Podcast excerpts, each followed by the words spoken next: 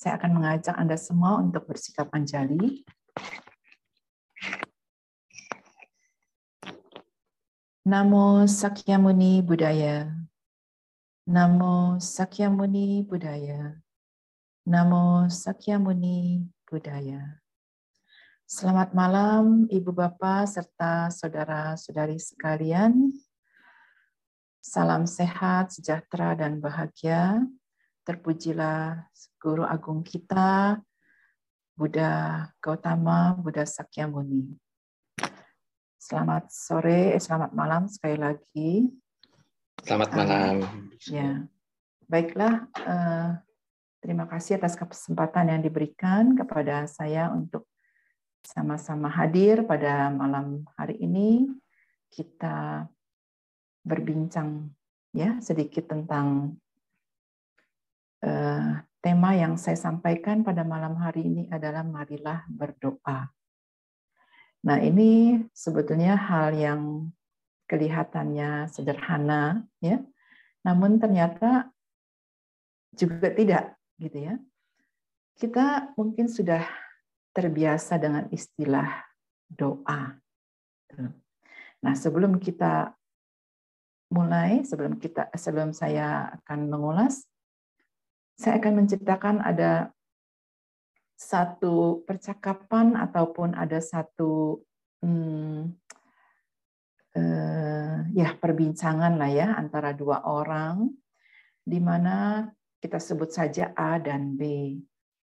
A ini bilang sama B bahwa dia tuh sebetulnya sangat tertarik dengan Buddha Dharma untuk ajaran Buddha ya.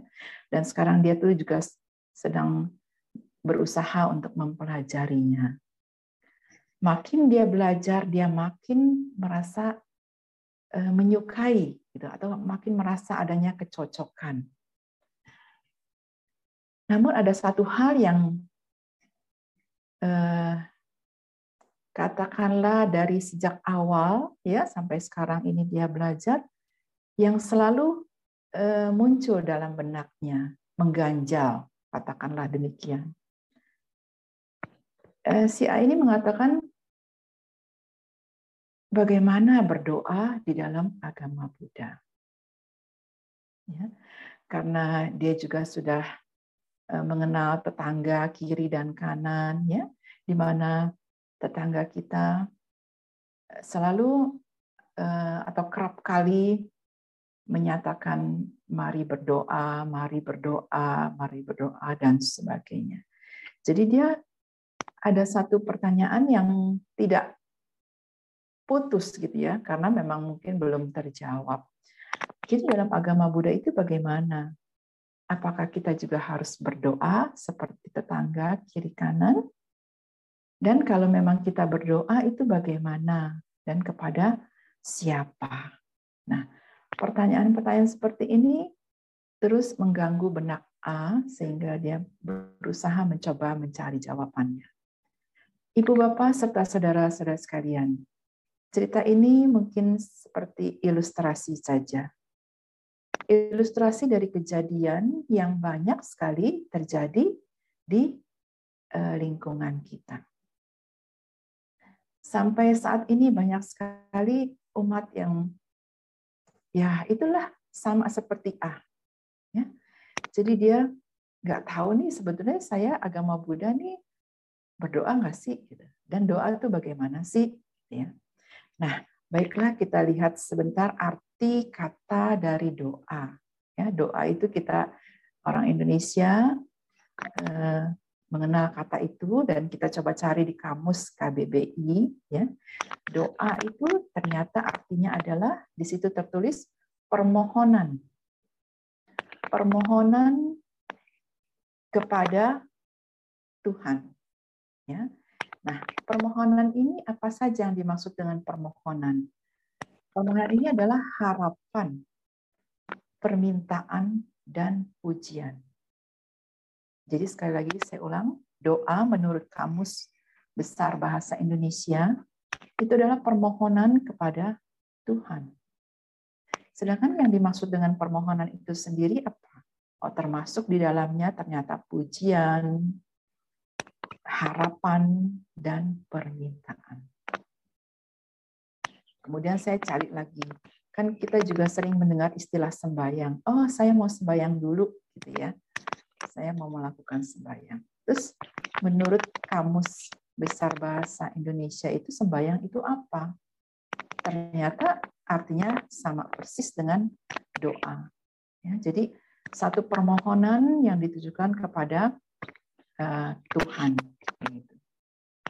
Nah, lalu bagaimana dengan kita umat Buddha?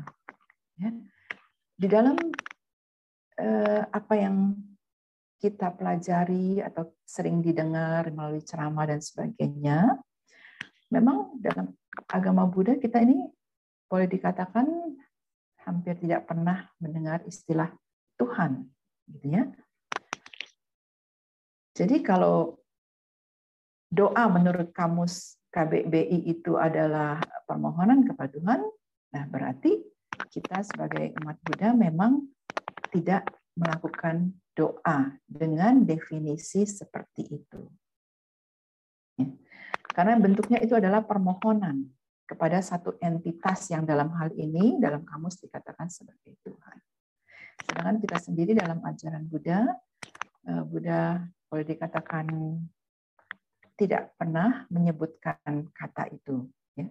Dan Buddha selalu eh, mengajarkan kita, mengajarkan kita untuk berbuat baik, menghindari kejahatan, mensucikan hati dan pikiran.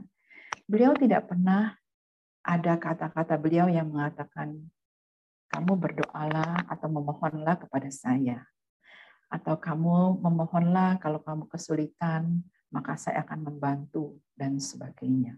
Ya. Jadi kita memang eh, dalam ajaran Buddha tidak pernah dikenal untuk meminta atau memohon. Tidak pernah diajarkan hal seperti itu. Yang Buddha ajarkan apa? Kalau kita ingin memperoleh kebahagiaan, memperoleh keselamatan, memperoleh kesehatan, ya, tentu kita harus melakukan hal-hal yang berkaitan dengan itu. Kalau kesehatan, ya kita jaga diri kita baik-baik, eh, pola makan yang sehat, pola hidup yang sehat, dan lagi yang pertama, yang paling utama adalah berpikir yang sehat. Ya, jadi otomatis kita akan memperoleh kesehatan. Kemudian juga kita menghindari perbuatan-perbuatan atau tindakan-tindakan yang merugikan makhluk lain. Gitu, ya. Yang kemudian bisa berakibat bahwa kita ini akan eh, memperoleh masalah dengan kesehatan kita, misalnya. Kalau Anda ingin keselamatan, ingin kebahagiaan, banyaklah berbuat baik, banyaklah menolong, ya, meringankan penderitaan orang pada saatnya ketika katakanlah kita mungkin terancam oleh sesuatu keselamatan kita ya.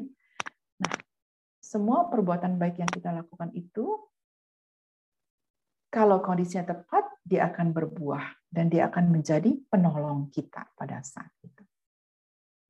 Jadi memang ya begitulah eh, Buddha mengajarkan kita. Tidak beliau tidak pernah untuk mengajarkan kita memohon atau meminta sesuatu, apalagi yang bersifat keduniawian. Lalu berarti suhu kita berbeda dong sama agama lain. Kalau agama semua sama tentu mungkin cuma ada satu agama ya di dunia ini. Nah, memang agama-agama itu secara fakta ya memang berbeda. Dan kita juga tidak perlu eh, membesar-besarkan perbedaan itu atau juga sebaliknya kita mencari-cari persamaan-persamaan di antara agama. Agama Buddha ya seperti ini. Beliau mengajarkan Buddha, guru junjungan kita mengajarkan kita seperti ini. Mengajarkan kita pola pikir, pola hidup, cara hidup seperti ini. Mungkin agama lain mengajarkan pola cara berpikir, cara hidup yang berbeda. Jadi kita sekali lagi tidak perlu menyamanyamakan atau juga mencari perbedaan-perbedaan. Kalau kita mempelajari agama Buddha, ya kita Jadi, oh kalau ini rasanya cocok untuk saya, laksanakan. Ya, kalau rasanya tidak cocok ya silahkan untuk mencari yang lebih cocok. Ya. Nah, Ibu Bapak serta saudara-saudari sekalian. Ada juga yang bertanya, tapi suhu kalau kita tidak boleh memohon, tidak boleh meminta. Kalau kita kesulitan, saya tuh pengen curhat tuh sama siapa? Bolehkah kita curhat kepada Buddha, pada para bodhisattva? Oh, saya jawab boleh saja. Ya, kalau Anda punya altar atau punya uh, image Buddha, bodhisattva, ataupun Anda tidak punya, Anda menghadap saja ke tembok. Pingin curhat, curhatlah. Anggap Buddha, bodhisattva hadir di hadapan kita. Saya uh, kesal nih Buddha karena begini begini. Boleh boleh saja. Tidak ada yang larang ya. Namun jangan kemudian di akhirnya kita bilang begini.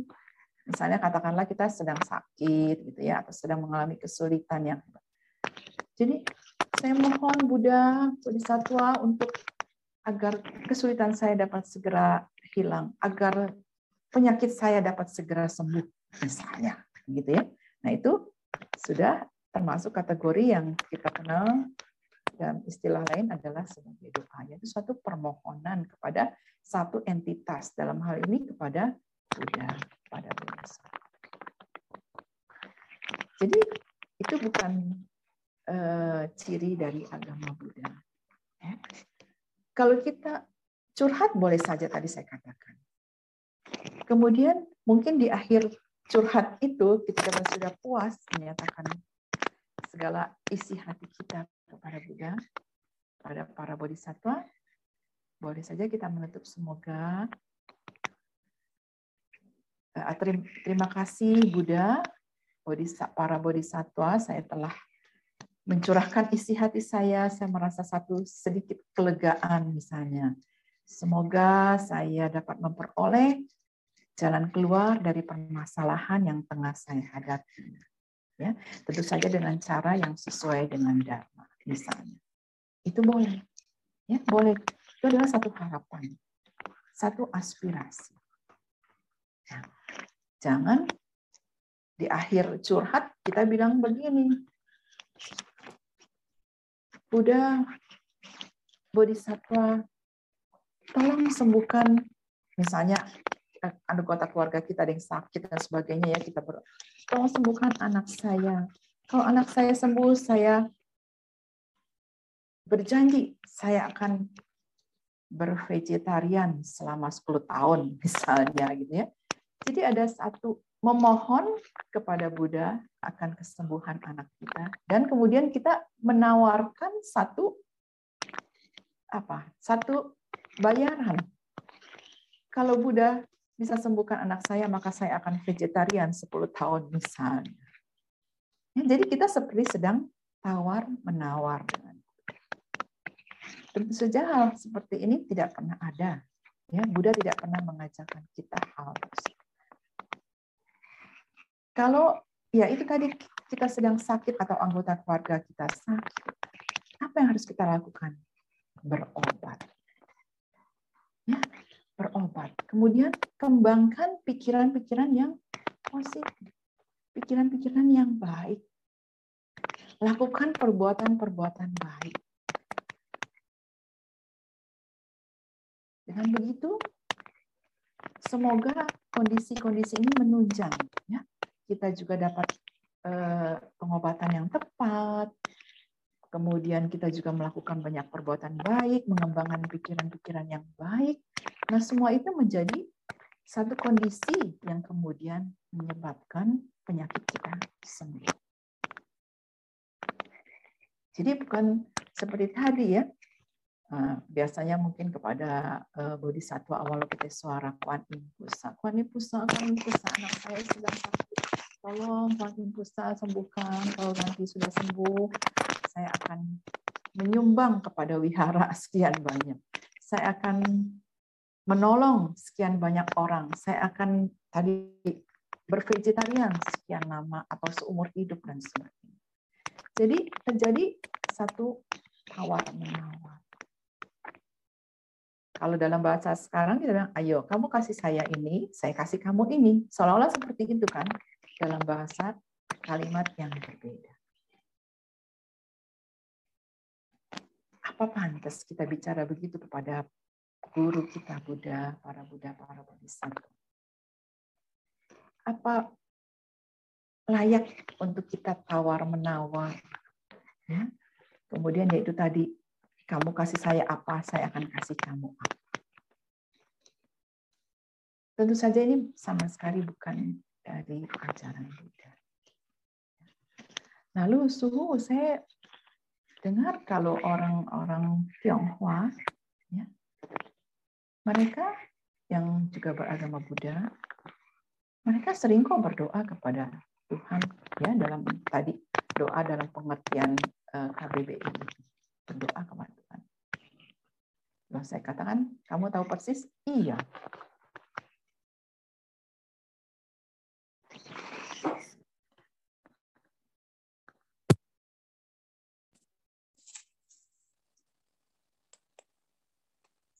Halo. Ya, uh, suara saya cukup jelas atau masih kerasa-kerasa? Halo.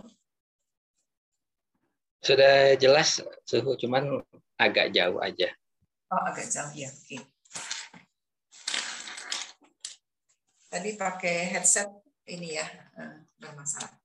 Oke. Jadi kita sampai uh, oh ya, tidak layak ya, tidak sepantasnya bagi kita untuk tawar menawar gitu ya dengan Buddha dengan para bodhisattva Buddha bisa kasih saya apa, saya akan kasih berapa. Ya.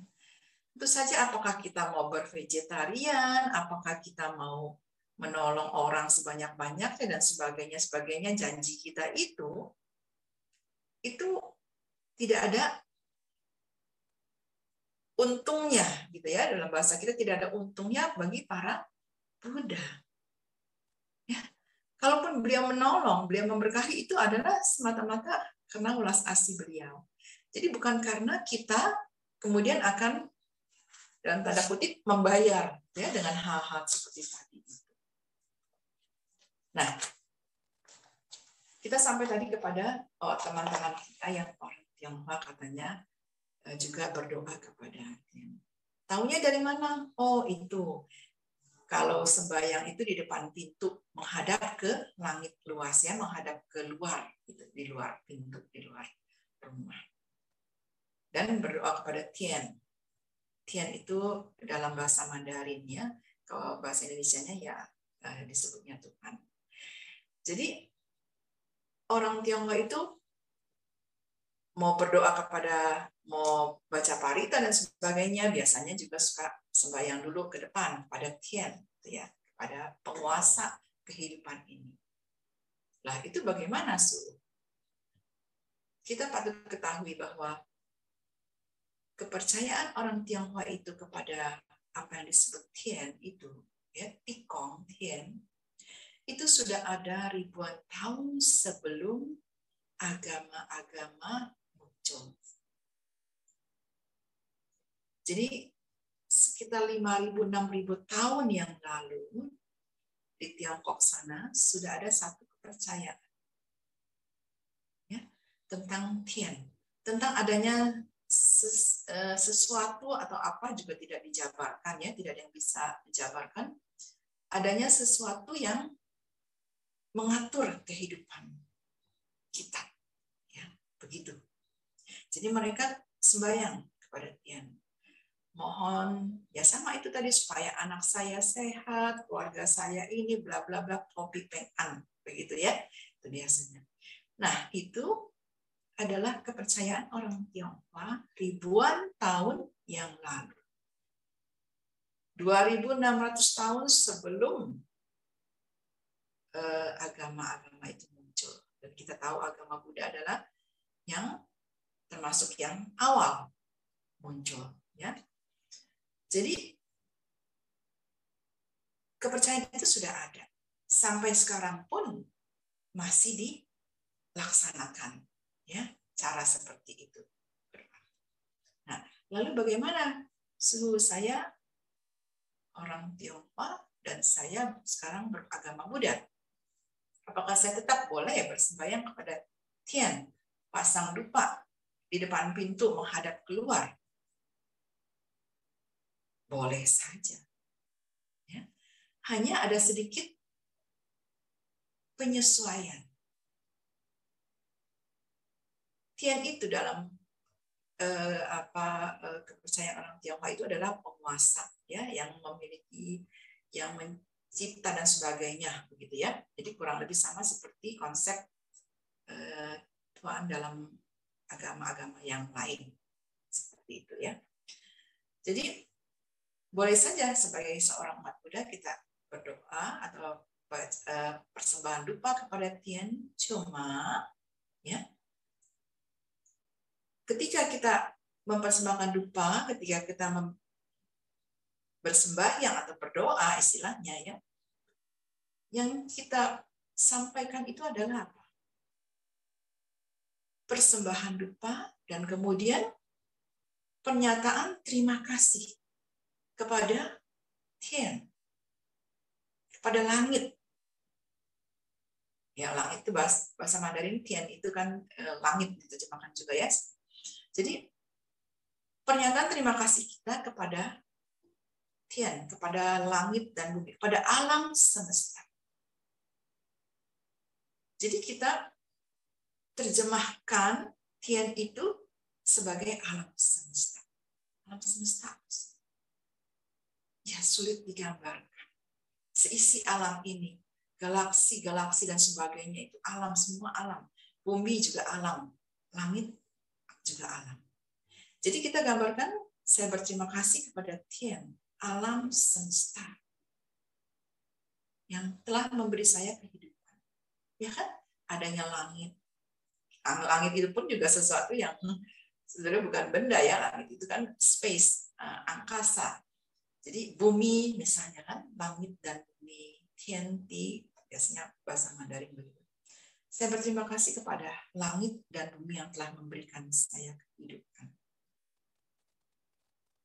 Betul kan? Bumi yang telah memberikan kita kehidupan. Kita semua sarana keperluan hidup kita datang dari bumi ini. Jadi kita berterima kasih. Semoga saya dapat membalas jasa bumi membalas jasa alam semesta ini katakan. Dengan cara apa? Menghargai berkah, ya, menghargai semua yang telah diberikan oleh alam semesta kepada saya. Minimal saya tidak melakukan hal-hal yang merugikan alam semesta, misalnya seperti itu. Ya. Jadi pengertian berdoa ya boleh saja memasang dupa, menghadap ke langit, keluar ya. Tapi isi atau apa yang kita katakan itu disesuaikan dengan Buddha. Bukan lagi satu permintaan permohonan, Tien, semoga keluarga saya harmonis, semoga keluarga saya murah rezeki dan sebagainya sama. Bukan seperti itu. Ya, karena sekali lagi kembali kepada ajaran Buddha, Buddha tidak pernah mengajarkan kita untuk meminta, memohon sesuatu kepada sesuatu kepada Buddha sendiri pun Buddha tidak pernah mengatakan hal tersebut. Nah, kemudian kalau kita pasang dupa kepada Buddha, altar, para bodhisattva, apa yang kita katakan orang banyak pasang lupa Buddha, Bodhisattva mohon supaya begini semua mohon, semua minta, semua mohon ya. Nah, kalau kita sebagai umat Buddha, ya kita membakar dupa, mempersembahkan dupa itu lambang wewangian, persembahan dupa yang harum kepada Buddha, pada para bodhisattva, pada para makhluk suci. Kemudian boleh kita katakan, semoga misalnya sinar kebijaksanaan Buddha senantiasa menerangi hidup saya. Ketika kita katakan itu bukan berarti kita ngarepin Buddha nih cung gitu ya kasih sinar seperti lampu. Nah, masuk ke sini kita kemudian jadi bijaksana. Bukan. Jadi itu semacam aspirasi, semacam juga pernyataan keinginan yang kuat atau tekad atau ikrar. Ya, semoga sinar kebijaksanaan Buddha, semoga welas asih kebijaksanaan Buddha, semoga sifat-sifat Buddha dapat saya teladani, dapat saya praktekkan dalam kehidupan sehari-hari. Begitu juga kepada para bodhisattva. Jadi tidak ada kita memohon atau meminta-minta. Nah, kalau doa yang kita sampaikan seperti itu, maka saya akan seperti judul eh, pada malam hari ini, marilah berdoa. Saya akan mengajak Anda semua untuk bersama-sama melakukan banyak doa. Tidak lain adalah aspirasi kita. Aspirasi kita untuk meneladani sifat-sifat para Buddha, para Bodhisattva. Kemudian bagaimana Su? Kan berdoa kepada Kuan Pusat. Katanya beliau akan menolong kita kalau kita dalam kesulitan. Begitu dalam sutra dikatakan, sutra sadar dari K 45. Bukankah itu berarti kita boleh memohon kalau kita dalam kesulitan, dalam masalah dan sebagainya? Betul sekali. Ya, betul sekali. Namun kita masuk lebih lanjut lagi. Siapakah Kuan itu? Awal kita seorang bodhisattva. Nah, satu. Beliau adalah perwujudan dari sifat-sifat Buddha, yaitu maha karuna. Karuna asih. Jadi ketika kita memohon kepada beliau, Impusa, semoga saya terbebas dari bencana, misalnya, ada dalam saya. Yang ada dalam benak kita bukan sosok eh, apa namanya ya yang seperti kita lihat di altar ya di gambar-gambar tapi melainkan adalah satu kekuatan belas asih kekuatan karuna belas asih coba dalam sutra-sutra dikatakan kalau kamu dalam bahaya ya sebut nama Kuan Yin kalau kita mau eh, apa masuk lebih dalam lagi. Puan Ibu tadi itu kan ulas asih. Jadi dalam keadaan bahaya, dalam keadaan katanya kita di eh, apa namanya diserang orang, dijahat dan sebagainya. Semoga kekuatan ulas asih bisa menyelamatkan saya. Jadi bukan kita mengharapkan satu sosok yang seperti kita kenal dalam uh, wihara ya, sosok yang digambarkan dengan berbagai macam rupang pratimanya bukan sosok itu datang kemudian menolong kita namun adalah kekuatan dari welas asih.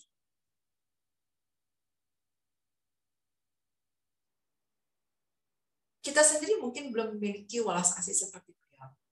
Tapi dengan permohonan seperti itu berarti kita juga dengan sendirinya sudah bertekad agar kita, diri kita ini mengembangkan belas asih sampai mudah-mudahan bisa seperti bodhisattva. Jadi sekali lagi boleh saja bermohon seperti itu, tapi jelas kita bermohon pada kekuatan cinta kasih. Kita bermohon kepada bodhisattva bodhisattva yang lain, katakanlah majusi bodhisattva dan sebagainya Beliau adalah lambang dari kebijaksanaan. Semoga kekuatan kebijaksanaan dapat eh, membawa saya kepada jalan keluar dari permasalahan yang sedang saya Ya, jadi bukan eh, mengharapkan satu sosok ataupun satu entitas itu untuk datang kemudian tur kasih kita pertolongan, kasih kita kesembuhan, kasih kita keselamatan, kasih kita rezeki dan sebagainya sebagainya. Wah, susah dong subuh ya jadi umat Buddha.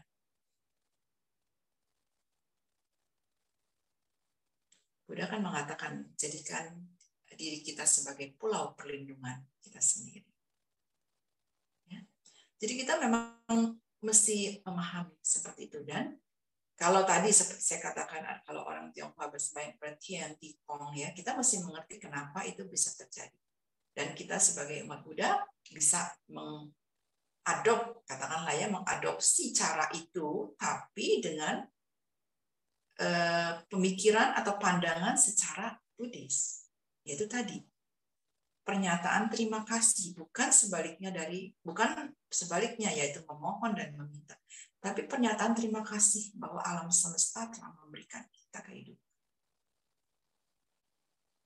Ya, nah jadi uh, sekali lagi dengan uh, doa yang seperti itu yang tadi saya sampaikan, maka saya akan sangat menganjurkan Anda semua, kita semua ya, untuk rajin-rajin berdoa.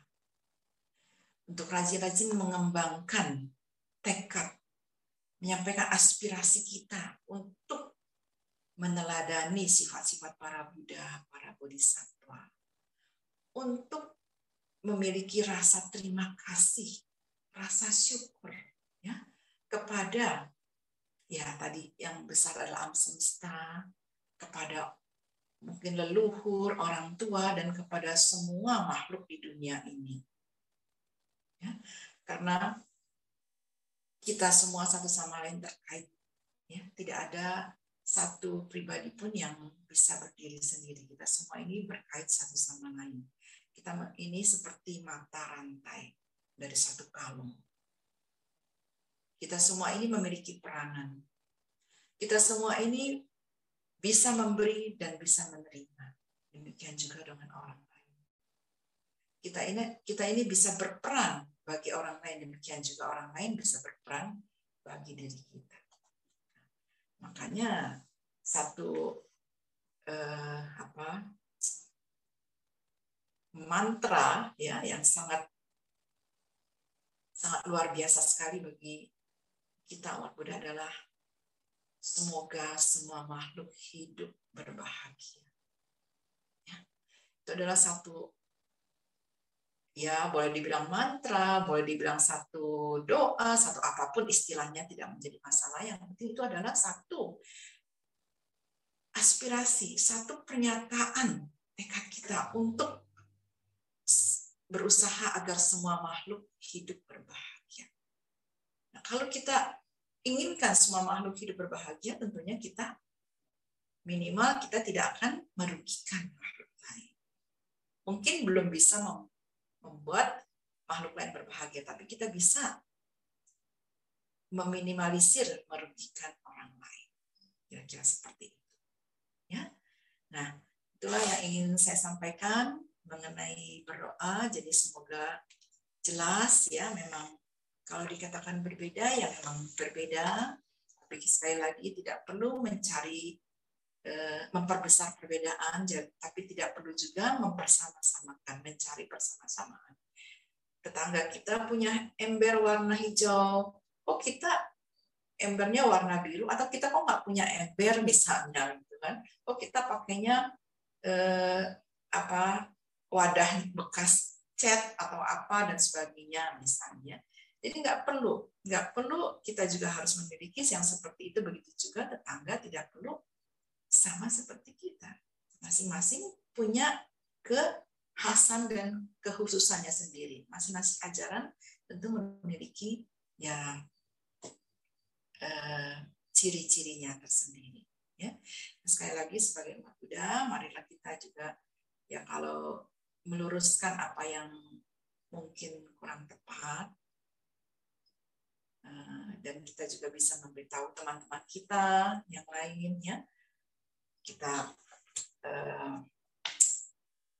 bertindak atau bersikap melakukan hal-hal sesuai dengan apa yang Buddha ajarkan sebanyak mungkin ya. Tentu saja masih banyak kekurangan di sana sini tapi kita berusaha selalu berusaha untuk lebih dekat lagi dengan uh, ajaran Buddha, lebih memiliki lagi pandangan yang lebih benar lagi yang lebih mendekati ajaran Buddha. Ya. Itu saja yang ingin sampai, saya sampaikan. Terima kasih atas perhatiannya. Nah, saya kembalikan kepada uh, saudara Rudi. Terima kasih. Iya. Uh, dari Leo, Omitovo suhu, saya saya kan sering mendengar doa makan di wihara, uh, wihara-wihara Mahayana, dengan isi doanya Gong Yang Fo, Gong Yang Fa, Gong Yang Sen. Tentunya doa makan ini pasti untuk vegetarian. Nah, kalau misalkan kita lagi makan daging dan tidak sengaja menyebut doa tersebut, apa yang harus dilakukan?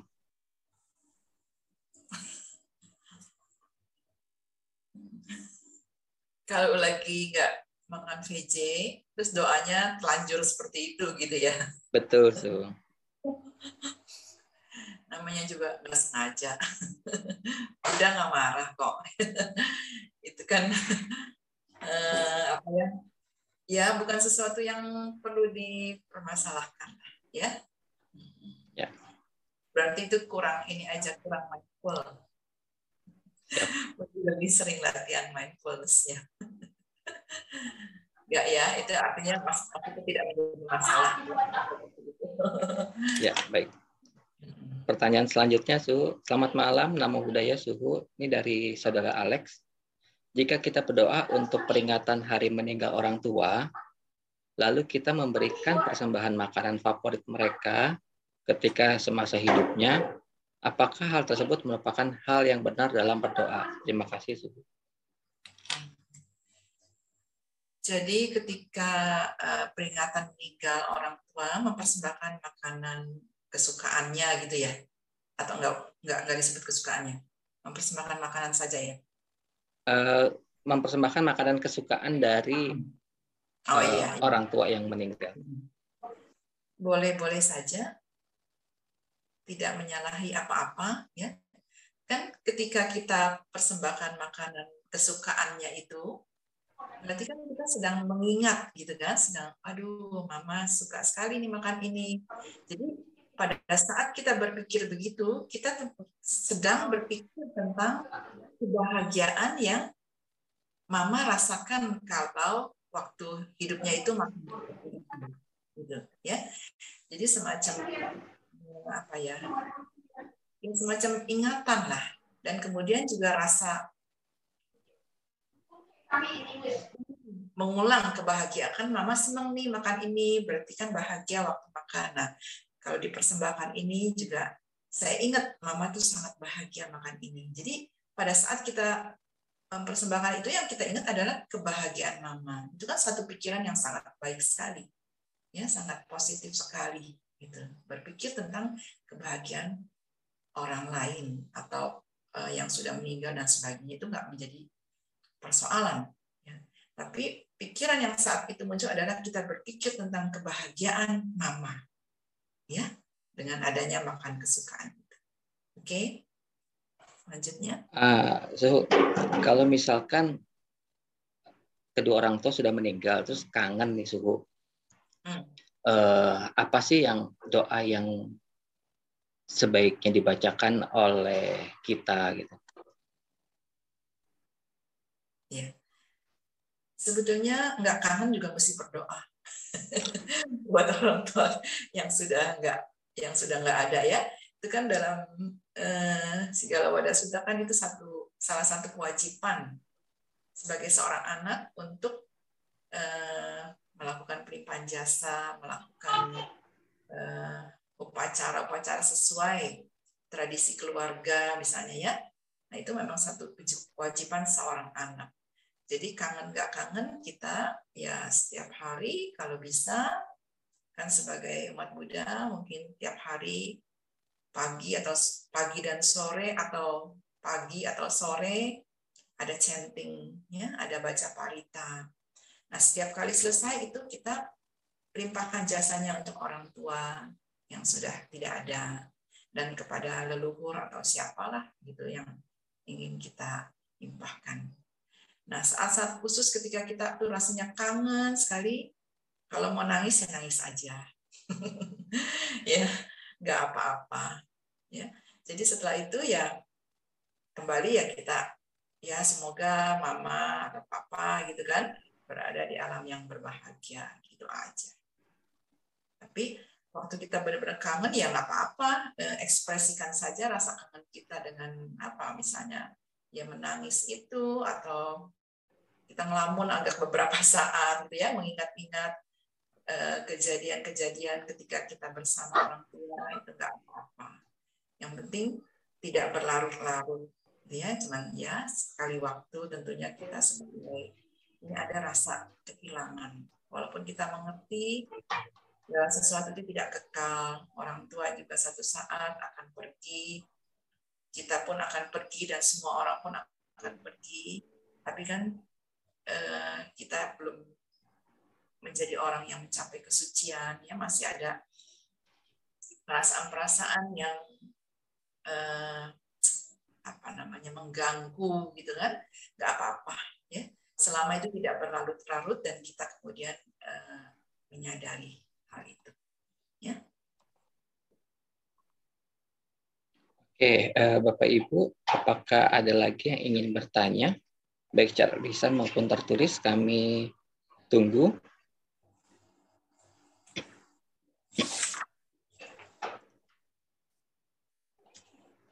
Sepertinya tidak ada yang ingin bertanya lagi, Suhu. Mungkin ya. uh, bisa memberikan closing statement. Iya, baiklah. Nah, baiklah. Uh, semoga apa yang uh, saya sampaikan pada malam hari ini, jadi sekali lagi bahwa memang Buddha tidak pernah mengajarkan kita untuk memohon atau meminta-meminta kepada sesuatu sosok ataupun entitas di luar diri kita. Sebaliknya beliau selalu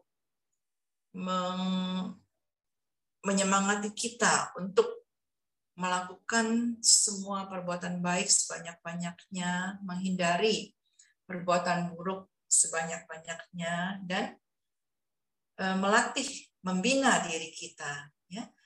Membina diri agar kita mencapai kesucian, agar kita mencapai kebijaksanaan yang tinggi. Dan kemudian sebagai umat Buddha, walaupun kita tidak anti terhadap tradisi-tradisi dari berbagai latar belakang, sebaliknya Buddha itu sangat toleran sekali, ya. Namun jangan sampai kita juga kemudian menjadi rancu ya dengan tradisi tersebut. Kita tetap menggunakan ajaran Buddha dalam Eh, melaksanakan tradisi-tradisi atau kepercayaan-kepercayaan yang memang sudah ada selama ini turun temurun dan sebagainya. Jadi kembali lagi tetap Buddha Dharma yang menjadi pedoman kita di mana pun kita berada di dalam situasi lingkungan apa pun kita. Ya. Nah, itu saya rasa closingnya itu, Rudy ya. Kita sikap anjali. Saya akan membacakan mantra kebahagiaan Tadiata Om Gate Gate Paragate Parasangate Bodhiswaha. Tadiata Om Gate Gate Paragate Parasangate Bodhiswaha. Tadiata Om Gate Gate Paragate Parasangate Bodhiswaha. Semoga dengan kebajikan yang dilakukan pada malam hari ini khususnya dan semua perbuatan baik yang telah dilakukan selama ini anda semua dapat memperoleh berkah kebijaksanaan, berkah kesehatan, kesejahteraan lahir dan batin, panjang usia, kebahagiaan, kedamaian, dan keharmonisan. Semoga kita semua sebagai siswa Buddha dapat terus memiliki tekad dan usaha yang keras untuk mempelajari Dharma, memahaminya dengan baik, dan lebih penting lagi melaksanakannya dalam kehidupan kita hingga tercapainya kebahagiaan sejati. Marilah kita limpahkan juga jasa pada malam hari ini kepada orang tua, kepada keluarga, kepada para leluhur, dan semua makhluk. Semoga semuanya dapat memperoleh manfaat dari kebajikan yang dilakukan pada malam hari ini. Sadesata bawantus kita ta.